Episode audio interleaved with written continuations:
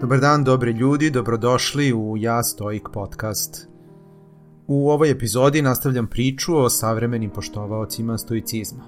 Verovatno će ti iznenaditi da čuješ ko je sve od poznatih ljudi zastupnik stoičkog stila života. Moje ime je Peđa, ja sam autor web sajta jastoik.com posvećenog stoicizmu, pravcu u filozofiji koji stiče sve veću popularnost među profesionalcima, sportistima i svima koji se trude da pronađu smisao u inače haotičnoj realnosti u kojoj svi živimo. Savremeni stoici nisu pripadnici nikakve sekte, već ljudi različitih profesija koji u stoičkim idejama pronalaze putokaz za donošenje ispravnih životnih odluka i stvaranje zdravog odnosa prema stvarima i okolnostima koje ih okružuju. Stoicizam, baš kao i savremena kognitivno-behavioralna psihologija, pomaže ljudima da prevaziđu sobstveno ograničenje. Nije važno kako se neko rodio, već u šta se izgradio tokom života. Reči su velikog poštovaoca stoicizma J.K. Rowling, autorke popularnih romana o Harryu Potteru. Naše odluke ilustruju kosmo, mnogo bolje nego naše urođene osobine, tvrdi ona.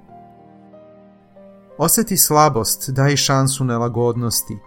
Onaj ko je najspremniji da izađe iz svoje zone komfora nije samo najhrabriji, već neko ko najbrže napreduje. Ovo je savet Tima Ferisa, internet zvezde i uspešnog preduzetnika koji je celu svoju karijeru izgradio upravo na upornim izletima iz sobstvene zone komfora. Ono što svakog od nas sprečava u napredovanju su zapravo ograničavajuće misli. One često potiču od ideje koje nam nameće društvo i ljudi oko nas. Najčešći razlog za osjećaj nemira jeste raskorak između onoga što drugi od nas očekuju i toga što zaista jesmo.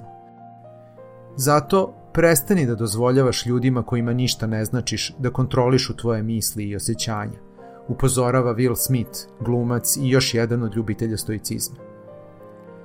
Stoička filozofija se uzda u snagu ispravnog razmišljanja kao jedinog putokaza za uspostavljanje kvalitetnog života koji se ogleda ne u materijalnom bogatstvu, već u emotivnom balansu, psihološkoj otpornosti i stabilnosti.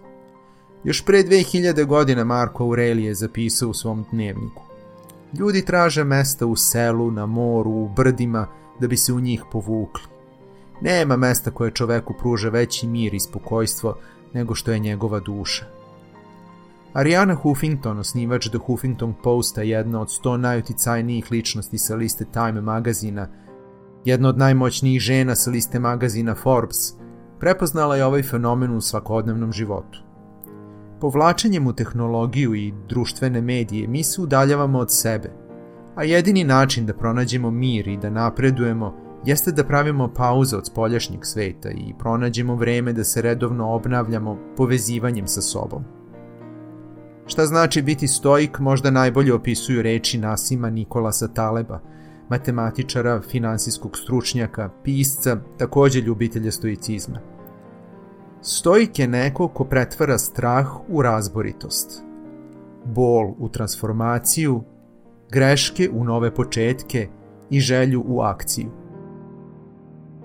A ako ti ovo o čemu sam pričao bilo zanimljivo, pozivam te da zapratiš Ja Stoik podcast i ja.stoik profil na Instagramu kako bi imao pristup dodatnim sadržajima na temu stoicizma. Takođe možeš da posetiš jastoik.com website gde možeš besplatno da preuzmeš e-knjigu 50 stoičkih misli koje ti mogu poslužiti kao inspiracija i putokaz za svakodnevni život. Hvala ti što si ostao uz mene do kraja. Želim ti da mudro iskoristiš današnji dan. Carpe diem.